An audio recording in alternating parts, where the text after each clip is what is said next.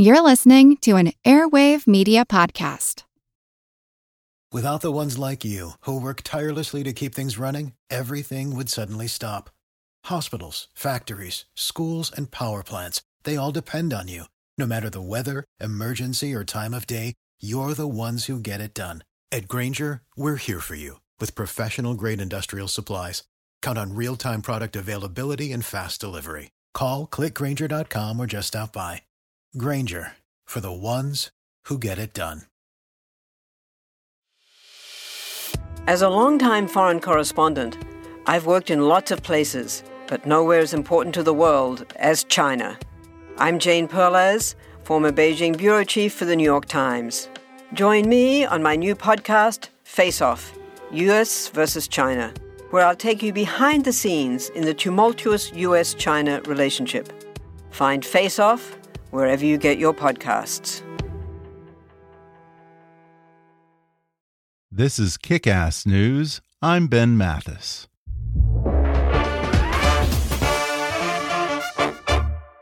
Human Rights Watch is an independent, nonprofit organization known for their accurate fact finding, impartial reporting, and targeted advocacy. In partnership with local activists and human rights groups, they expose the truth in order to defend the rights of all and bring those responsible to justice. They rely on the support of informed, dedicated people, so visit hrw.org/kick to make a donation and support its vital work around the world. Your donation will be matched dollar for dollar until 2019. hrw.org/kick. And now, enjoy the podcast. So, according to the president, Cohen is lying and also not lying. Somehow it's both. Yeah. And you know, Trump is the only person whose explanations include every possible outcome, right? Yeah, it's, it's like one of those choose your own adventure books. He's like, if I didn't do it, go to page three. But if I did, it was totally okay, go to page five. And if you want to hear about my massive electoral college victory, turn to any page, any page, folks, and I'll tell you about it. Hi, I'm Ben Mathis. Welcome to Kickass News.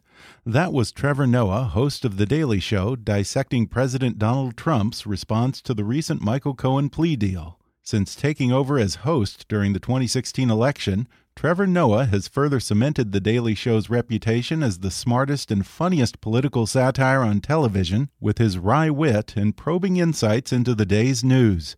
It's a remarkable rise for a man who grew up in apartheid South Africa and only came to America in 2011. But within a year of arriving in the U.S., the young comedian had made it onto The Tonight Show and then onto Letterman. Now, in addition to hosting The Daily Show, he's written a best selling memoir that's being made into a feature film, and he's just released his 10th comedy special on Netflix called Trevor Noah, Son of Patricia.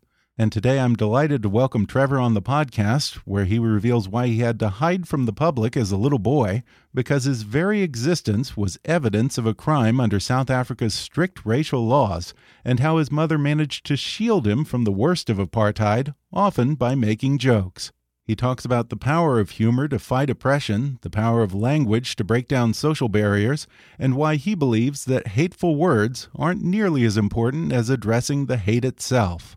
He discusses how the 2016 election changed and in some ways bolstered his own vision for The Daily Show, why the current president reminds him of certain African dictators, and how he deciphers what's news and what's nonsense in the age of Trump. Plus, he talks about his interview with President Barack Obama, whether he'd be down to give an equal time interview to Donald Trump, and the question that he'd most like to ask the 45th president. Coming up with The Daily Show's Trevor Noah in just a moment.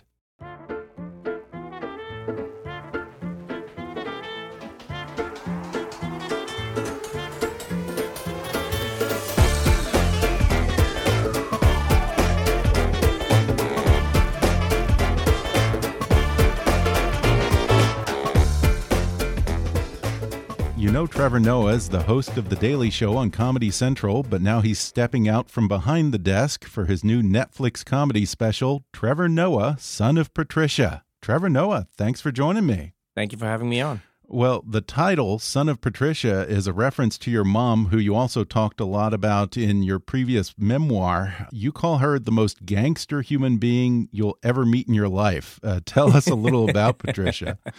Uh, well, my mom is um, one of those women who, you know, forges her own path, um, raised me as a single mom, lived in a country where she was oppressed, not just because of her her gender, but also because of her race. And she just she never let anybody stop her or stand in her way, you know. And um, you know what was always fun about living with my mom and growing with her is that uh, she's a wild, crazy person who is focused and driven at the same time, and is like the biggest reason that I am where I am today. So, you know what was what was really fun is I guess in life is growing and starting to realize that your parents who were crazy at some age um, you I think you you become more and more like them, or you start you start to understand them the older you get. You know, so um, that's that's the journey that I've been on with my mom. So so that's why that's why I refer to her the way I do. You talked a lot about her in your memoir, Born a Crime. Uh, for anyone who might not understand, uh, talk about what that means to be born a crime. Well, I was I was born in in um, in apartheid South Africa. You know, when I was born, it was illegal for for people of different races to to mingle. Uh, you weren't allowed to have sexual intercourse. You couldn't be married. You couldn't live in the same neighborhoods, the same houses. And my mother's a black woman, Xhosa woman from South Africa. My father's Swiss, a white man. And so they got together. You know, my mom got pregnant, had me, and I was born a crime. You know, so that like my mom couldn't couldn't say who my dad was on my birth certificate. Um, she had to, you know, hide who I was or where I was from really and and so that that was the beginning of our journey together. As a child, did you have any concept of apartheid and why you had to be discreet, stay indoors and avoid attracting attention? No, none at all. None at all, you know. That was that was I, I think um, a blessing um, that that that my mother bestowed upon me. I always think that parents have uh, an amazing opportunity and responsibility to define the reality that their children live within. Mm-hmm. You know, and and you you may you may be limited by by what the world is around you, but as a parent, you can truly work to define um, the world your kids are in, or the way they perceive the world that they're in. And and that's what my mother did for me. I I had no clue that we were oppressed. I had no clue about how restrictive our policies were in the country. I, you know, I didn't know that I couldn't live with my dad. I just thought that, you know, we go see my dad sometimes and, you know, he's a mysterious dude. He pops in and out. And she made it seem normal. And, you know, it became our normal. And so I, I was lucky in that I never grew up thinking to myself that I was suffering because I wasn't. It's all the more remarkable that she was able to shield you from that because, as I've heard you say before, apartheid was the best racism in the world white South Africans in power really made a science out of racism. They institutionalized it and made it such an ingrained part of the fabric of society and daily life in South Africa to an extent that I don't even think slavery in America was able to match. Or, maybe that's not a fair comparison, but yeah. I think you get yeah, no, no, no, no, you're right. No, but you're you're right though. I I, th actually think you know uh, racism all over the world has always been um, you know really effective but inefficiently applied a lot of the time. Mm-hmm. You know, apartheid was, as you say, a scientific approach. You know, very thinking thinking very methodically rather than scientifically. You know, looking and saying how do we best oppress people? Because you must remember, in South Africa. Uh, at the time, white people were, I mean, they still are the minority, you know? So how do you, how do you oppress 90% of the population when you only have less than 10% of the people uh, controlling that power? And so the key was to figure out ways to break people down, and that's that's what apartheid was all about. Yeah, was was getting the numbers to be small enough that you are in fact um, not a minority anymore. And that that was like a, a, really interesting exercise. You you look at how much effort they put into it. They studied racism in Australia. They studied systems in America and the Netherlands, and they developed, uh, you know, a, a pretty impressive um, racist state uh, and I always think to myself, it's like it's amazing how much effort they put into the racism. You go like, imagine how much they could have done with that same amount of effort if they just thought of improving the country and and um, creating an equal world for everybody. When you hear people decry the state of race relations here in America and the rise of white nationalism under Trump and Charlottesville, as bad as it is, is there also the South African in you who almost wants to put it in perspective and say, look, I grew up under apartheid. Don't talk to me about racism. American racism is for amateurs. If you want to see real racism, I can show you racism. Oh no, I, I you know what's funny is I, I don't think I'd ever say that to anybody. And some Really? a lot of people ask me that question. They go, they go, is it worse? Is it is it the same? Is it different? Do you recognize it? I go, racism. Racism is one of those those things that's that's um really powerful because it is not a tangible. Uh, it's not a tangible thing you can fight against. hmm You know, racism shows itself in many forms. You know, you you you can live in a country that has laws that are racist when many of the people in that country may not be racist themselves. They may not be actively engaging and oppressing anybody, but they may be benefiting from a system that does. You know, you you could be living in a world where there are people who are overtly racist. And so what's funny is, you know, you you see in America and you see all over the world people saying, "I'm not I'm not racist. Are you saying I'm the same as as these white supremacists?" And then you see white supremacists who are like, "Are you saying I'm the same as a Nazi?" you know, and you you see like everyone points to somebody else who goes like, "They're the real racist." I Yeah. I just have views that that that believe certain people shouldn't have the same rights as other people. Um, but really, I mean, it, it all it all comes from the same idea, and that is that somebody who is of a different skin color should be treated in a different manner. While we're on the subject of racism in South Africa, I want to ask you about these stories of black South Africans attacking and killing white farmers and taking their land. Some media outlets like Fox News were pushing this story pretty hard, and even President Trump gave it oxygen for a while. But I've also heard many reports that contradict this alarmism that white farmers are somehow being targeted. So it's a little hard to know what's true and what's not, and maybe it's somewhere in between. Certainly, it seems to have been overhyped and exaggerated. I'm assuming that this is something that you've been following. Right. What's your read on it? Well, I'm, think it's I think it's an, an easy narrative to create, you know, and it's a, the best the best misinformation is something that is built on enough fact to be plausible, uh, and then enough fantasy to to spread like wildfire. Mm-hmm. and and you know that's that's a sad thing because unfortunately you know one thing about south africa is that we do have uh, a large crime problem you know that's something most south africans won't lie about most south africans will agree on and because you have a population that is predominantly black black people are the majority in the country then your numbers will say that most black people who are you know or most criminals that are in prison will be black but that's just that's a prison that's a that's a population breakdown um what's interesting is how people have managed to frame it as if it is targeted you know as if it's as if it's you know incidents that are specifically aimed like there's some sort of Right. genocide and the unfortunate truth is you, you know you it, it's it's a weird argument to say back but it's basically that no unfortunately many people are being killed in South Africa. It doesn't matter what race they are. And Right. and you know we're a country born of violence. The violence you know started a very long time ago. Many people grew up in it. And and unfortunately it's it's something that's become a fabric of of the country. And that's something that uh, we're trying to change And also, like most effective lies and conspiracy theories, it plays upon real fears and real crises that have taken place in post colonial Africa. Now, in South Africa, you might have these isolated incidents of violence against white farmers, but in Zimbabwe under Right. Mugabe, you really did have a systematic effort from the very top to drive out white farmers and redistribute their land. And that history either gets conflated with or to some degree lends legitimacy, I think, in a lot of people's eyes to these alarmist reports about white Right, right, farmers right. being targeted in South and Africa. that's that's that's a lot of the time you know it comes down to branding. It comes down to conversations. It comes down to the the way the news wants to portray an idea. You know um, even recently when when south africa made news you know when donald trump tweeted about us and you know he said they're going to take the land from these these white farmers they're coming after Right. them the government says they're taking their land i was like no but if, if you look at it honestly there are a few things you have to consider one take the land what what does that mean like most of most land in South Africa is owned by the state. It's leased out to individuals. So there are many people who are working land that is owned by the government and they farm that land and they have leases.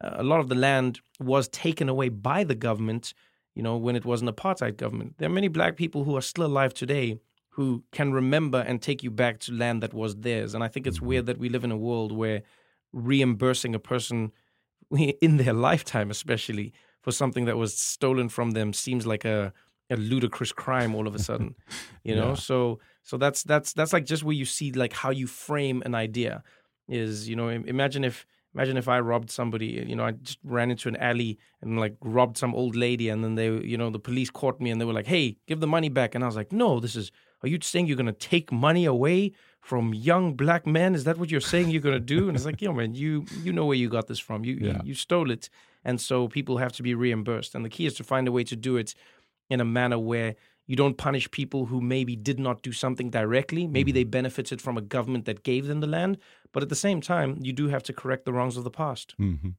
And I do want to actually talk about your career in comedy. once again, so much goes back to your mother. You said that she was the first true comedian you ever saw. What is her sense of humor like? Oh, my mom has a very uh, boisterous and at the same time dark sense of humor. You know, my mom like my mom will joke about everything. We like we grew up in a house where everything was joked about, you know, to the point where I, I sometimes have to remember that when I when I go hang out with other people because I I forget how much people aren't used to laughing through their pain. Mm-hmm. Um, so you know, my my mom would joke about everything that happened in our lives. She would joke about the police, the government that was that was oppressing people. She would joke about corruption. She would joke about the struggles we would have in the family. You know, if we didn't have food, she would she would still make jokes about it and what we were eating and how we were struggling.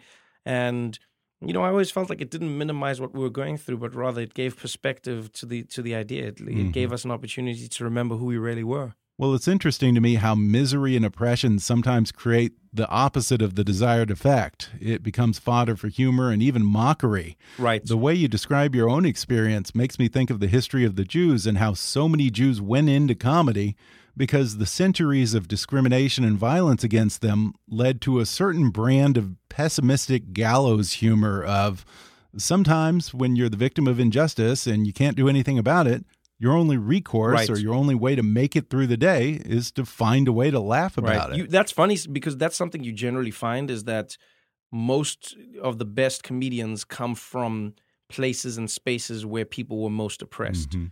You know, because from that comes a perspective on life, and from that comes an ability to overcome, and and comedy becomes one of the tools, the ability to laugh becomes a coping mechanism that that um, that you you can you can grow into a comedy career. We're going to take a quick break, and then I'll be back with more with Trevor Noah when we come back in just a minute.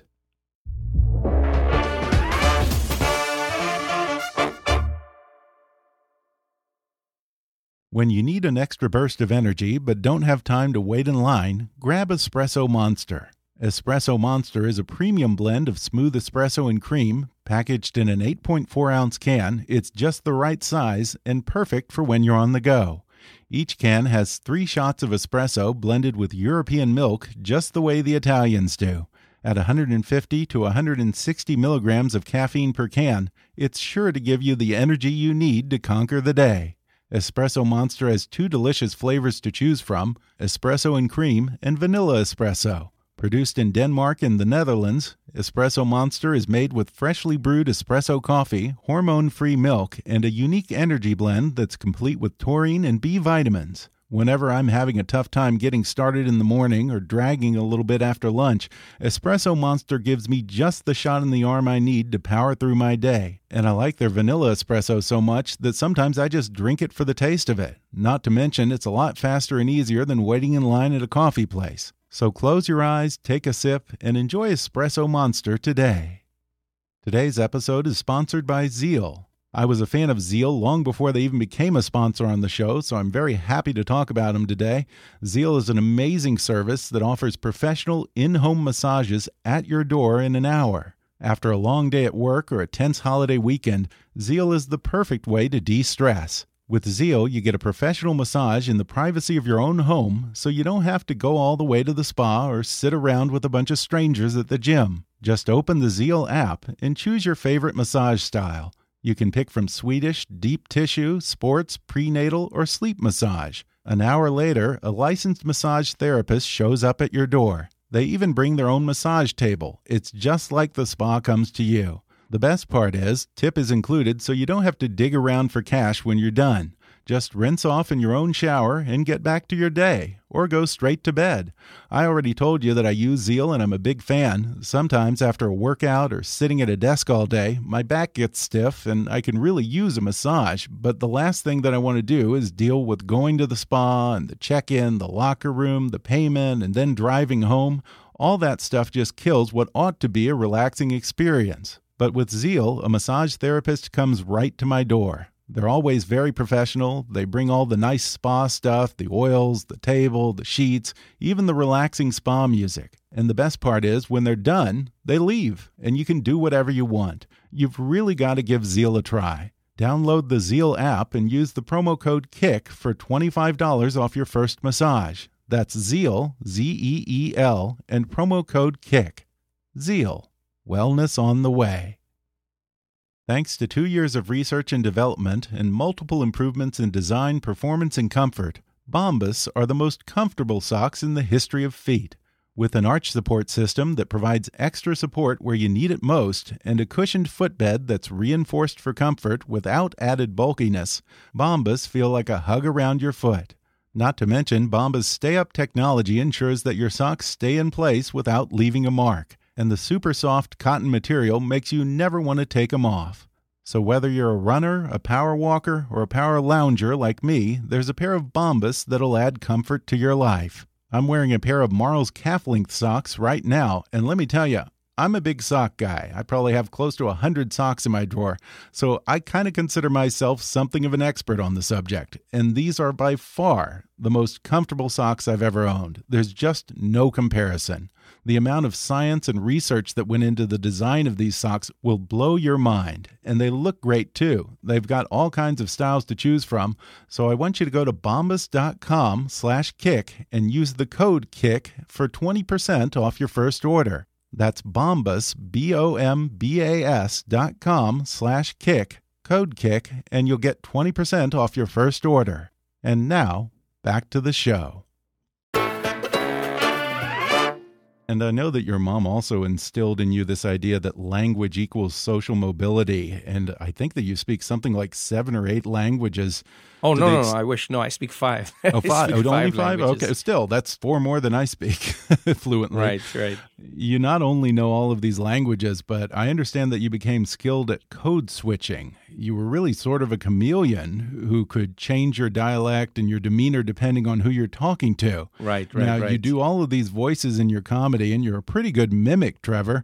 You do a decent Obama impression and a good Trump. Is that where you get that from? Yeah, you know, I, I've always loved, I've always loved how we we change depending on who we're speaking to, just because of how they sound to us. You know, I've Mhm. I've always been fascinated by that concept. You know, you you look at it.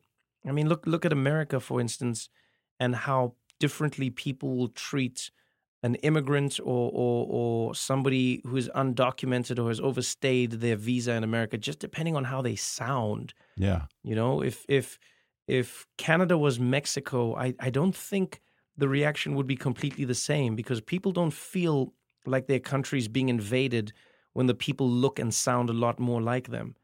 And I've always been intrigued by that. You know, when you travel and you speak to people, if you speak to them the way they sound, then they think that you're a lot more like them uh, than not like them Mhm. and that's something that's always intrigued me. You know, I, I I I find it funny that you can you can you can basically hack the human brain just by changing how you say your words, and all of a sudden you become an insider in a group. That's that's something that um, that that that's always fascinated me, whether it's language or even accents. I'm intrigued by all this, Trevor, because I remember Peter Sellers used to say that he was only happy when he was being someone else. Without a character to play, he felt that he was just nothing and unworthy of attention, unworthy of love.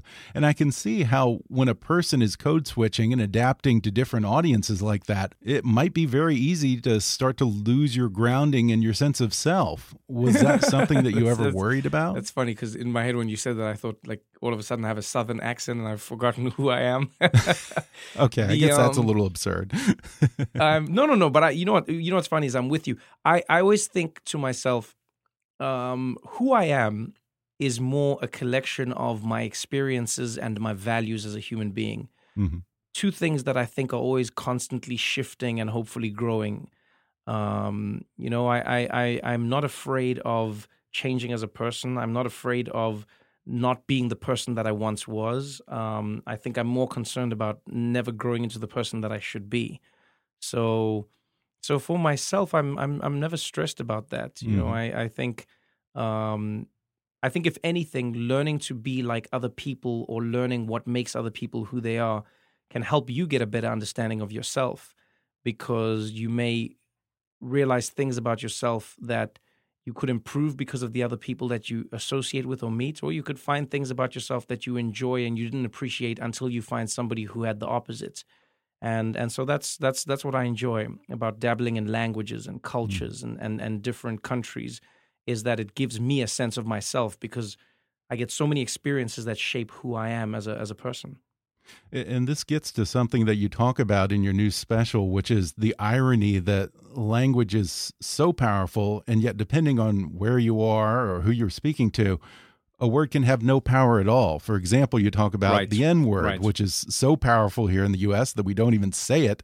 But where you come right. from, arguably the most racist country in the world, it has no power at all. Right, and that that's what I, you know, it's it's funny because I always always try and say to people, I say let's let's try and focus on um, you know the the structures of racism as opposed to you know arguing about the the, the smaller uh, manifestations of those structures. Mm-hmm. You know, like like like I you know I'd see people arguing all the time in America, and that you know they'd go, you know, should black people be allowed to say the N word? Should why do black people say it? If you say the word, then it, it stays around. Why you you should stop saying that word, and then it'll go away. and and I'm I'm like, well, well, if that were true, then there wouldn't be racism in South Africa because we didn't have the N word, and you know we still had the same racism. So you know it's not it's not like there were people in South Africa running around like I want to be racist, but I can't I can't find the words. You know, it's like the words don't restrict you. It's it's people always find a word. What, yeah. what we have to fight is is the actions that those words represent.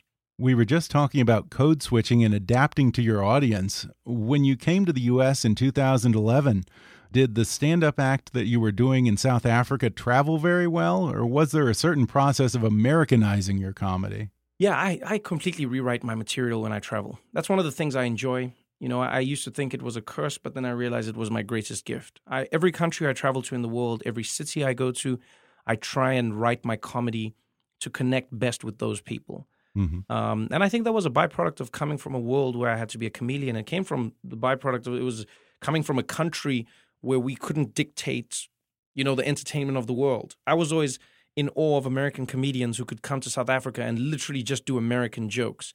Tell us about American comedians and I mean American politicians and tell us about American news and and and we would laugh because we understood America. They could go and do the same thing in England. British comedians could come to us, etc. But as a South African comedian, I, I can't come to America and tell you jokes about our politicians. People don't know who that is. I can't tell you about our issues in the same way. I, you know, I I had to learn how to make what was important to me relate, mm-hmm. and and then I also had to find a way to, uh, you know, I guess use my point of view as a fish out of water to give people an additional perspective to the world that they had accepted as normal mm-hmm. for so long. So you know so that's that's what i've enjoyed. So mm. you know when i when i go to denmark for instance i try and write 10 or 15 minutes of comedy just about denmark. And it's comedy that'll only work in denmark and only danish people will will, will really appreciate it. I do the same thing in australia. I do the same thing when i go to dubai or abu dhabi. I do the same thing in south africa and and in america. You know even from california to new york i'll change up large parts of my set. And and i enjoy that because you know I, I think every place is individual uh, everyone has a slightly different perspective, and and it helps me, um, I think, empathize and and and and connect with people's points of view while still maintaining mine, um, you know, through the process. When you're touring the country, do you ever encounter people who approach you with this attitude of, "Well, who are you to come here to the U.S. and criticize our country and our leaders"? Yeah, well, you know the thing is, is I don't ever, I don't ever encounter that in person. Funny enough, really, you know, I know some people, some people have an idea of me, and some people have actually watched my comedy or seen my show.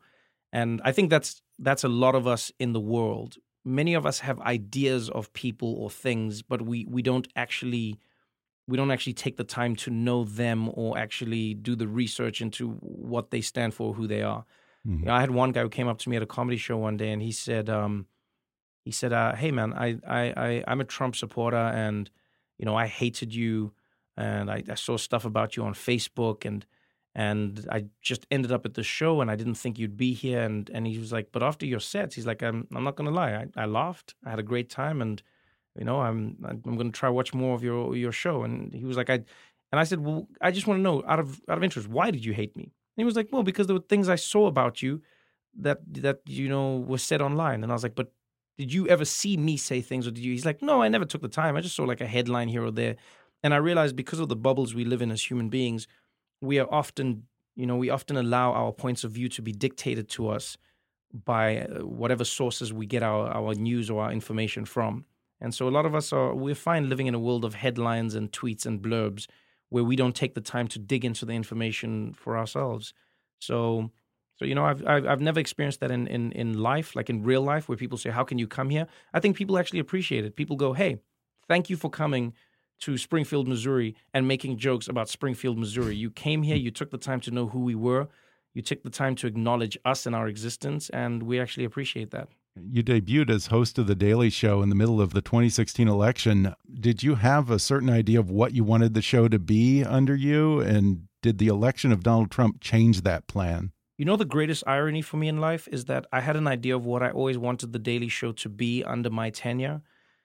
And I remember talking to Jon Stewart before, um, you know, I took over, and, and I said to him, you know, the biggest difference for me is I, I, would love to make the show a little bit more global. I would like to bring in a bit more of a global perspective into the show. And and Jon said, yeah, man, that, would, that would be great because it would be different. You know, Jon had his focus, and I was like, I'll, I'll bring in mine.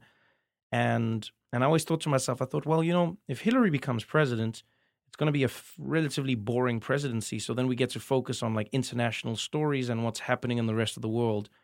And then Donald Trump won, and I thought, well, there goes there goes my plan. And then, as fate would have it, he has brought more international news into America than I think any president ever could. You know, I mean, Saudi Arabia is in American news, and people are looking at what's happening in Saudi Arabia. And now politicians are talking about the war in Yemen in a way that they haven't for a long time, thanks to Donald Trump. You know, Khashoggi, I argue, wouldn't have been, have been as big if it weren't for, for, for Donald Trump and what's going on right now. Um, you know, the way he responded to it, the way he handles issues, you know, news that's happening all over the globe. I remember when Trump was fighting with the Australian prime minister on the phone. Now we were talking about Australia. You know, when he insulted Theresa May and Brexit. Now we're talking about Britain you know, when he commented on South Africa and our politics. Now we get to talk about South Africa. So strangely enough, you know, what I thought was going to be the the um, the thing that would impede us from speaking about everything happening in the globe and how it pertains to America, ended up being the the, the very vehicle that gave us access. I've heard you say that you know who Donald Trump is because you've seen that same type of person rise to power numerous times in post colonial Africa.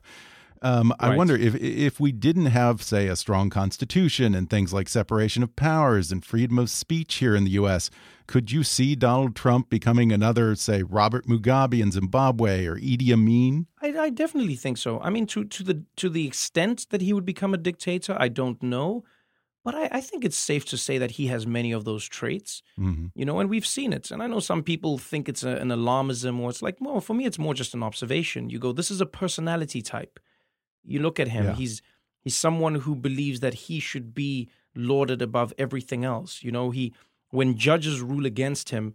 I mean, these are judges who are instated under under Republican presidents, and then all of a sudden he'll call them so-called judges.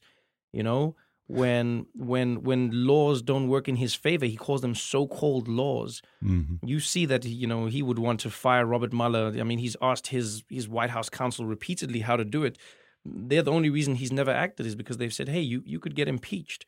So he's shown repeatedly that there are many laws and systems that he regards as being impediments to his ability to rule the way he wants to. And that's a testament to to America's checks and balances, is that he can't just do what he wants. Mm-hmm. Um, but I, I strongly believe if, if Donald Trump lived in a country where you didn't have those those balances in place, I, I firmly think you know that he would be he would be confidently the president, and then he would probably hand that presidency to Ivanka afterwards, and then he would he would find a way to call himself the prime minister or whatever, and he'd still be running the country, and and America could be in a very different place. But right now, I think he's become more of a black light on America's democracy. You know, mm-hmm. he he exposes all of the small things that people haven't paid attention to that that nobody knew were real, and uh, and that's that's that's become one of the most intriguing parts of the Donald Trump presidency. Yeah, and I have to admit that when I heard Trump contradicting his own administration's climate change report, it did sort of remind me of Robert Mugabe saying there's no such thing as AIDS at a time when 20% of his country had HIV.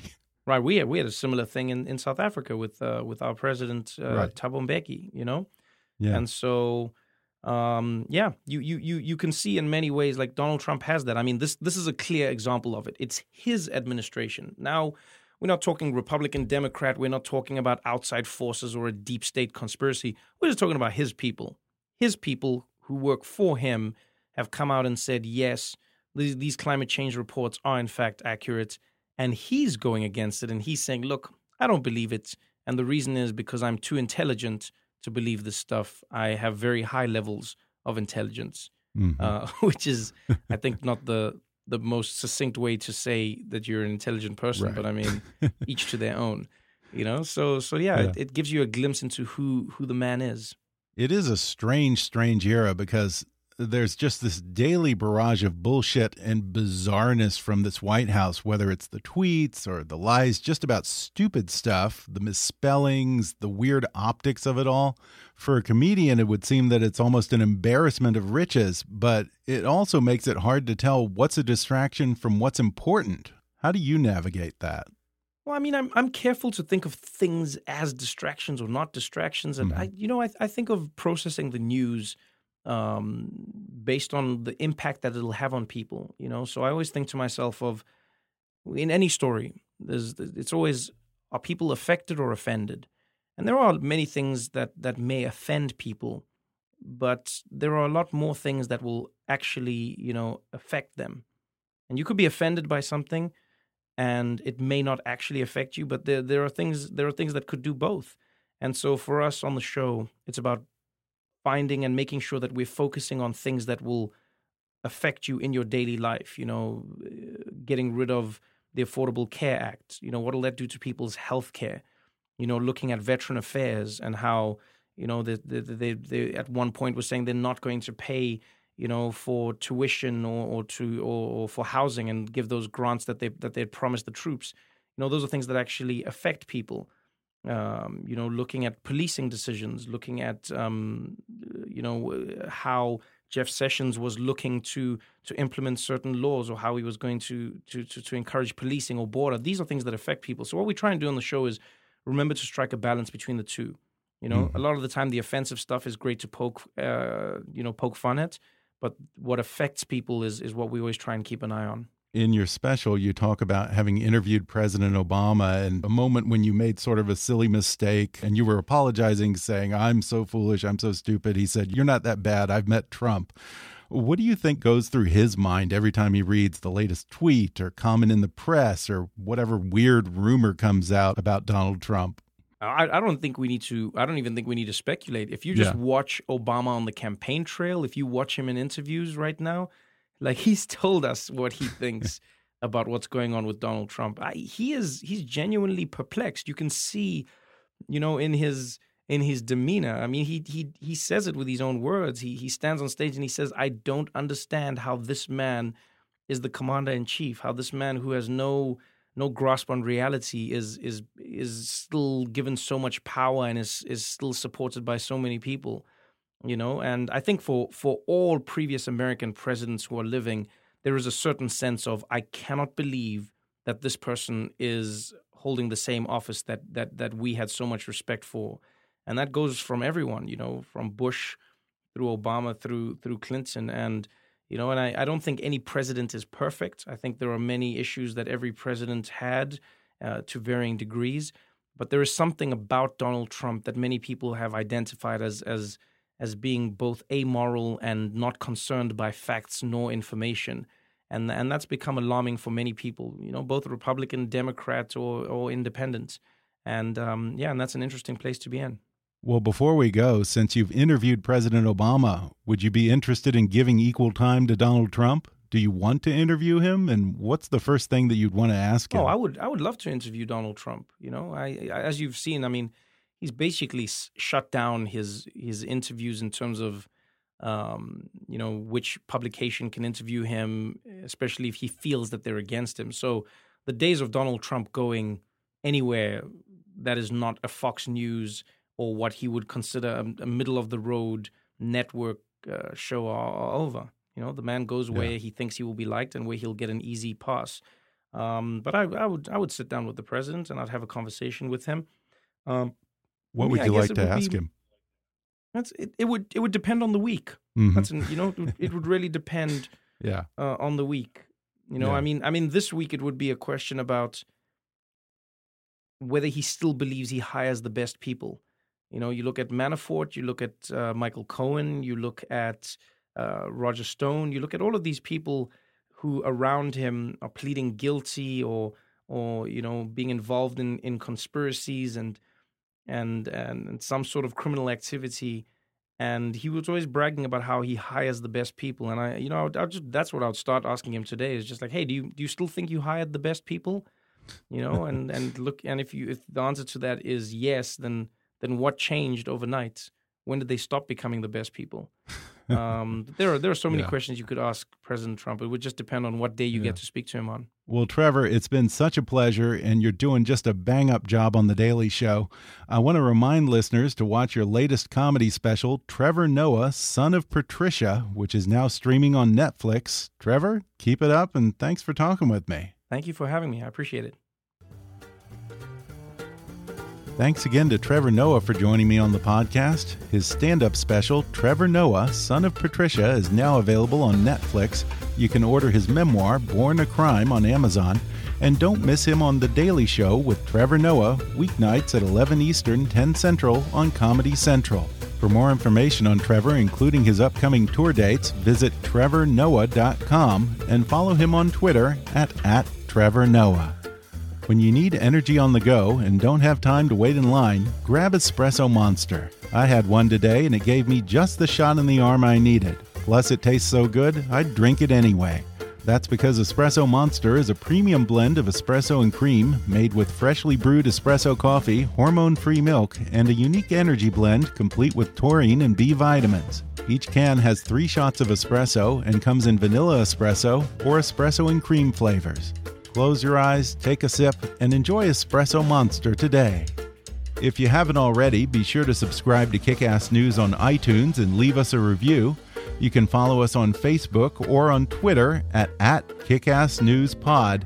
And as always, I welcome your comments, questions, and ideas at comments at kickassnews.com. I'm Ben Mathis, and thanks for listening to Kickass News.